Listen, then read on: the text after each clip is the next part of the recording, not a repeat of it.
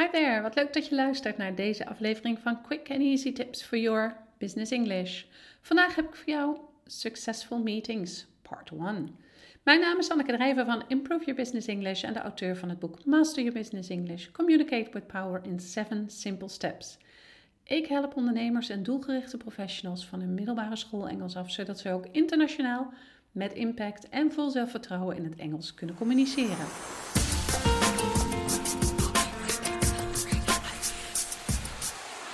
Vandaag ga ik het hebben over werkvergaderingen.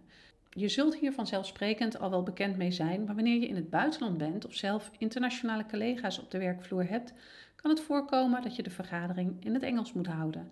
Daarom focus ik me vandaag op Engelse communicatie tijdens vergaderingen. Ik geef je tips en tricks die je vertellen hoe je op een professionele manier het hoofd van een Engelse vergadering kan zijn. En ik behandel verschillende belangrijke termen die van pas komen op het gebied van vergaderingen. Als eerste onderdeel van de podcast geef ik je een aantal Engelse begrippen die belangrijk zijn om te weten voordat we ingaan op de verschillende onderdelen van een vergadering. Chairperson of chair. Dit is de hoofd van de vergadering. Agenda. Zoals je ziet gebruik je in het Engels hetzelfde woord voor het Nederlandse agenda. Minutes. Het Engelse woord voor notulen. To allocate tasks. Dit kan een van de vele doeleinden zijn van een vergadering. Hierbij wijs je specifieke taken toe aan bepaalde personen die deelnemen aan de vergadering. To collaborate.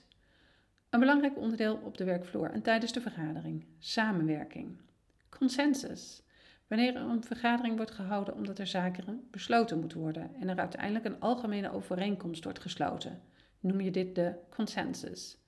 To attend a meeting. Dit is een formele manier van zeggen dat je de vergadering bijwoont. Als tweede onderdeel van de podcast ga ik het hebben over hoe je een vergadering begint in het Engels.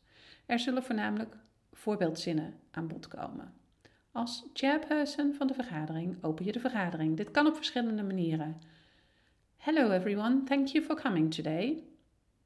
Since everyone is here, let us begin. First, I'd like to welcome all of you. Wanneer je de vergadering voor de verandering in het Engels moet houden, omdat je zelf in het buitenland bent of omdat er international colleagues zijn, is de kans groot dat mensen die elkaar nog niet kennen de vergadering bijwonen. Het is dan wel zo netjes om deze aan elkaar voor te stellen. Dat kan als volgt. I'd like a moment to introduce Pete. He's from the Department of International Relations. Please join me in welcoming Anna, a financial consultant from the United States. Zoals je ziet noem je de naam van de persoon en geef je een korte omschrijving waar hij of zij vandaan komt, zodat iedereen weet wat zijn of haar rol in de vergadering zal zijn. Natuurlijk kun je er ook voor kiezen om deze persoon zichzelf voor te laten stellen. Dit kan als volgt. Jack, would you like to introduce yourself?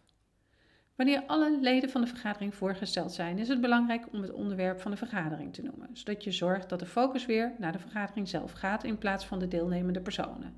Dit kan door As you can see from the agenda, we will be talking about the decrease of funds. Our main goal today is to set your new aims for next year. Het derde onderdeel van deze podcast gaat over het geven van je mening. Dit kan in het Engels namelijk op drie manieren: op een sterke manier, op een normale manier of een wat zwakkere manier. Luister maar eens naar het verschil tussen deze drie zinnen. I have no doubt whatsoever that this is the right choice. I'd say that this is the right choice. It seems to me that this is the right choice.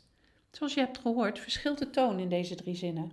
De eerste zin, beginnend met I have no doubt whatsoever, is erg sterk en impliceert dat iets echt zo is.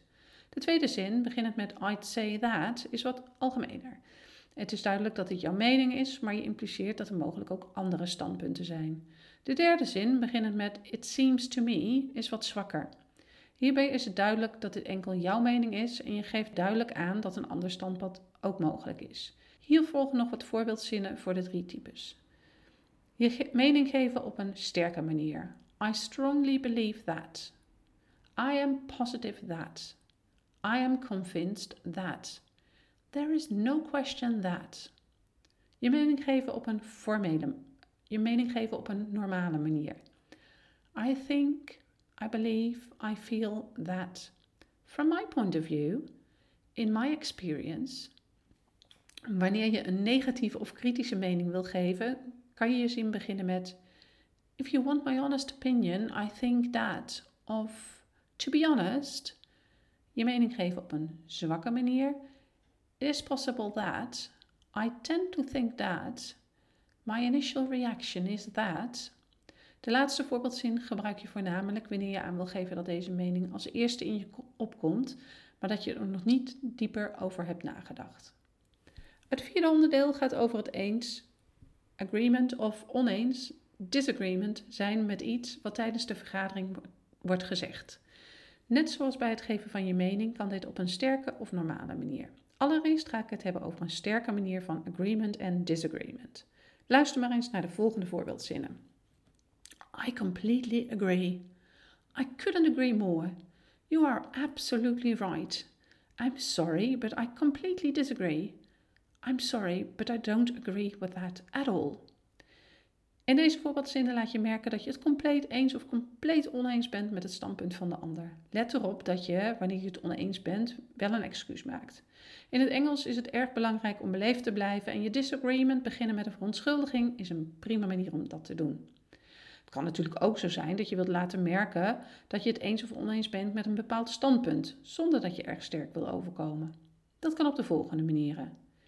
That is just how I see it. I'm with Pete on this. I'm afraid I disagree. I'm not sure about that. I see that differently. Well, not necessarily. I think that. Het kan natuurlijk ook zo zijn dat je deels met iemand eens bent, maar niet helemaal. Probeer jouw standpunt dan eens op de volgende manier te formuleren. I agree with you up to a point, but I accept what you're saying, but I agree with you to some extent, but that sounds interesting. But wanneer je het in theorie met iemand eens bent, maar het in de praktijk waarschijnlijk niet zal werken, kun je het volgende zeggen: I agree with you in principle, but. Natuurlijk komt er nog veel meer kijken bij het houden van een vergadering in het Engels. Hoe formuleer je bijvoorbeeld een suggestie of een advies? Hoe onderbreek je iemand op een respectvolle manier in het Engels? Hoe houd je als je chairperson de controle over de vergadering? En hoe zorg je dat de leden van de vergadering de agenda blijven volgen? En natuurlijk, hoe sluit je een vergadering af op een zakelijke manier in het Engels? Ben je hier benieuwd naar? Luister dan over twee weken naar de volgende podcast Successful Meetings Part 2. Als je deze aflevering hebt geluisterd, zou ik het enorm op prijs stellen als je een review voor ons zou willen schrijven op SoundCloud of iTunes. Dit helpt anderen weer om onze podcast te vinden en daarmee hun Engels te verbeteren. Ben je op zoek naar meer manieren om jouw zakelijk Engels te verbeteren? Bezoek dan onze website www.improveyourbusinessenglish.nl. See you next time met quick and easy tips for your business English.